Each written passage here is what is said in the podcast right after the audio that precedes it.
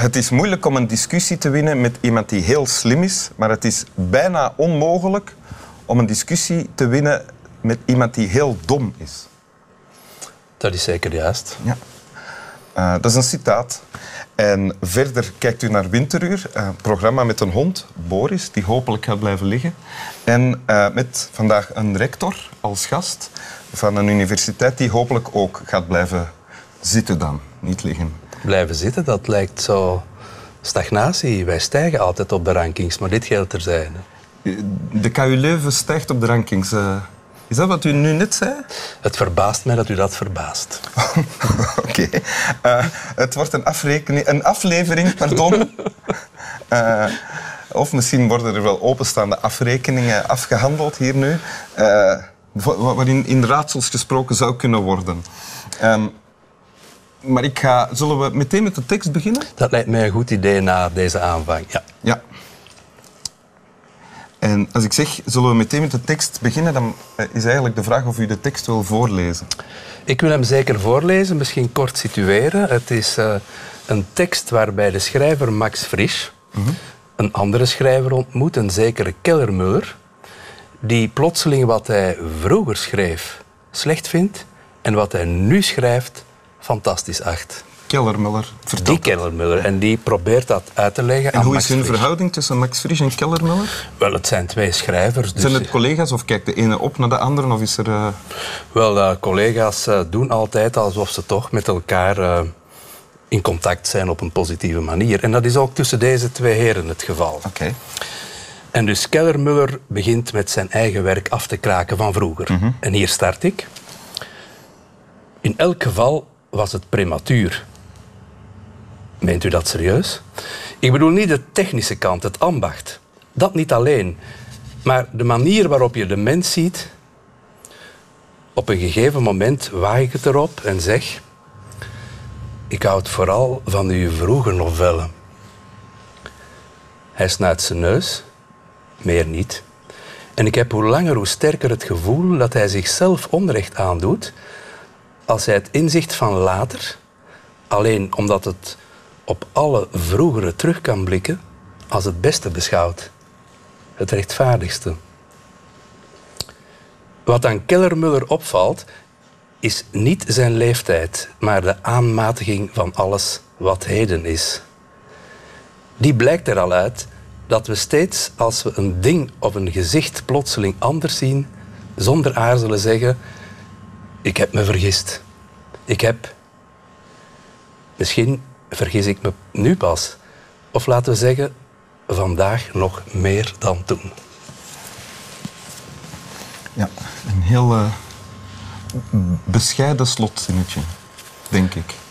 Ja, vooral een, een slim slotzinnetje. Dus het heeft me toch ja, aan het denken gebracht. Want vaak gaan we ervan uit dat we vroeger weliswaar ook al nadachten, of toch een beetje. Mhm. Maar dat we met het groeien van de jaren al maar meer inzichten krijgen. Dat we verstandiger worden. We geloven bijvoorbeeld niet meer in Sinterklaas, een pluspunt en zo meer. We denken altijd dat wat we vroeger dachten minder is en dat we nu denken beter is. U zegt we, hebt u het dan over uh, ons als, als samenleving, mensen, uh, wetenschappers enzovoort, of we, alle individuele mensen over zichzelf? Ik denk iedereen een beetje. Hè? Dus uh, ja, we denken altijd dat we nu minder naïef zijn, uh, wijzer, slimmer dan vroeger. Mm -hmm. Weinig mensen ken ik maar die, die zeggen, ja, vroeger was ik uh, briljant en schitterend en had ik goede ideeën, maar nu ben ik stilaan bezig een idioot te worden. Dat heb je erg weinig. Die heb je erg weinig, ja. ja. En misschien is dat toch uh, een onoverkomelijk of onvermijdelijk iets bij velen. de gedachte hier vind ik prachtig dat... Frisch zegt, ja, wie zegt nu dat we het vroeger inderdaad minder goed wisten dan nu? En misschien vergissen we ons wel twee keer. Vroeger en nu ook. En nu misschien nog harder. En dat vind ik zo ontzettend juist. Ja? Ik denk dat wel. Um, tenzij ik mij vergis, nu. Maar uh, de Ja. gedachte vind ik ook heel prikkelend. Zodat je ja, we gaan er altijd maar vanuit dat we Maar slimmer is het dan worden. ook iets waar u zichzelf op betrapt? Of op betrapt hebt, voor u misschien dit, dit eh, fragment las? Wel, je denkt altijd dat je ja, je jeugdzonde... eh, Mensen noemen de dingen uit hun jeugd of de ideeën uit hun jeugd jeugdzonden. Terwijl we misschien juist nu op een spectaculaire manier met zondigen bezig zijn, zonder het bewustzijn daarvan in ons te dragen. Ja. En denkt u dat dat voor u het geval is ook? Hebt u dat bij zichzelf gezien? Eh, Wel, voor u in ieder geval, maar voor mij is het ook wel mogelijk dat ik die vergissing maak. Ik denk dat je hebt altijd de gedachte, eh, ja, ik ben nu scherper in de analyse. Wijsheid. Maar misschien is wat wij wijsheid noemen eh, een vorm van berusting. Hebben we niet meer de energie van vroeger. Eh, staan we niet meer open voor de wilde impulsen die ons vroeger kenmerkten. En leven we nu een beetje meer gesloten, overtuigd van ons gelijk. En als dat het geval is, als het het geval is en we zien dat bij onszelf, zou u dat dan kunnen erkennen en zeggen?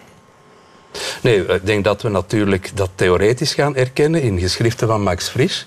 In ons eigen leven gaan we doen alsof dat, dat wel in theorie mogelijk is, maar dat we daar praktisch nooit in die val trappen. Zo zijn mensen. Ja. En ik denk dat wat u zegt, wat u nu net komt te zeggen, nog veel interessanter, persoonlijker en echter en waarder eh, wordt als we de we vervangen door ik. Waarschijnlijk wel. Ehm, maar dan kunnen we het moeilijker gezegd krijgen, want het is ook typisch. Max Frisch zegt niet dat hij nu minder weet dan vroeger. Hij zegt alleen dat Kellermuller zich vergist. En hij zelf maakt de analyse nu wel, terwijl hij vroeger misschien niet in staat zou zijn geweest om Ja. ze te maken. Maar om van onszelf te erkennen dat we nu bezig zijn ons te vergissen, dat is ook moeilijk.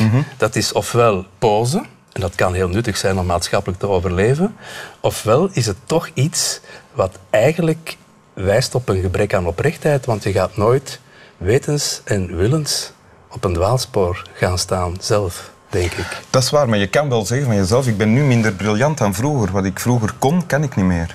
Dat is waar en dat geldt bijvoorbeeld inderdaad, dus fysiek zeker. En zelfs geestelijk zou je dat kunnen zeggen. Maar hier gaat het over opvattingen. In feite gaat het hier over eh, scherper zien wie de mens is en wie de tijd is. En dat is denk ik toch moeilijk om te bekennen. Zo bijvoorbeeld moeten toegeven van ja, eh, vroeger kon ik de maatschappij scherp analyseren, maar nu ben ik een kluns geworden. Ik ken niemand die dat doet. Als je bijvoorbeeld ja, oudere elderly statesmen bijvoorbeeld bekijkt, eh, genre eh, Willy Klaas, Mark Eiskes, mensen die ik allemaal enorm bewonder, laat dat duidelijk zijn, voor alle helderheid. hè. Maar als je die mensen hoort, ja, die zijn niet meer aan de macht, maar hun wijsheid is toch onaangetast, althans in hun ogen. Hoe kunnen ze anders overleven? Ja, anders bestaan ze niet meer. Nee, en ik vind ook dat eh, het een vorm van zelfbehoud kan zijn om te blijven geloven dat we vooruit gaan.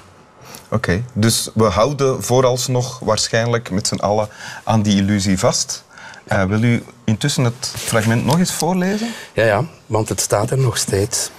Dus er is een gesprek gaande tussen Max Frisch en Kellermuller. En Kellermuller. En Kellermuller zegt eh, dat hij nu goed was en dat zijn werk vroeger niks betekende. Ja.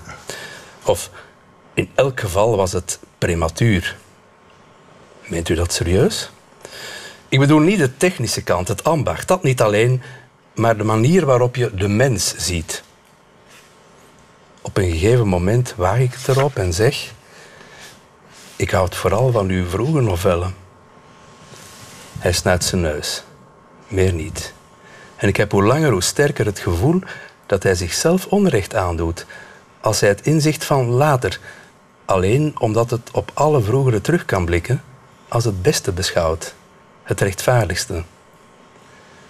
Wat aan Kellermuller opvalt, is niet zijn leeftijd, maar de aanmatiging van alles wat heden is.